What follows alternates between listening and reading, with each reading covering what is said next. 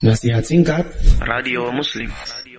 Takut berbuat baik karena takut disebut uh, uh, uh, ria atau takut terjadi uh, ria pamer maka ini pada hakikatnya adalah gangguan dari syaitan. Menakut-nakuti agar tidak mengerjakan kebaikan.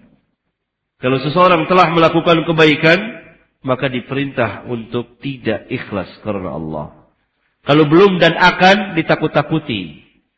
Jangan berbuat kebaikan karena memang niatmu untuk pamer atau takut nanti pamer dan tidak diterima. Akhirnya dia meninggalkan kebaikan. Ini pada hakikatnya gangguan dari syaitan.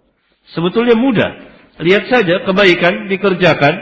Kemudian kita berjalan di atas keikhlasan dan contoh Rasulullah sallallahu.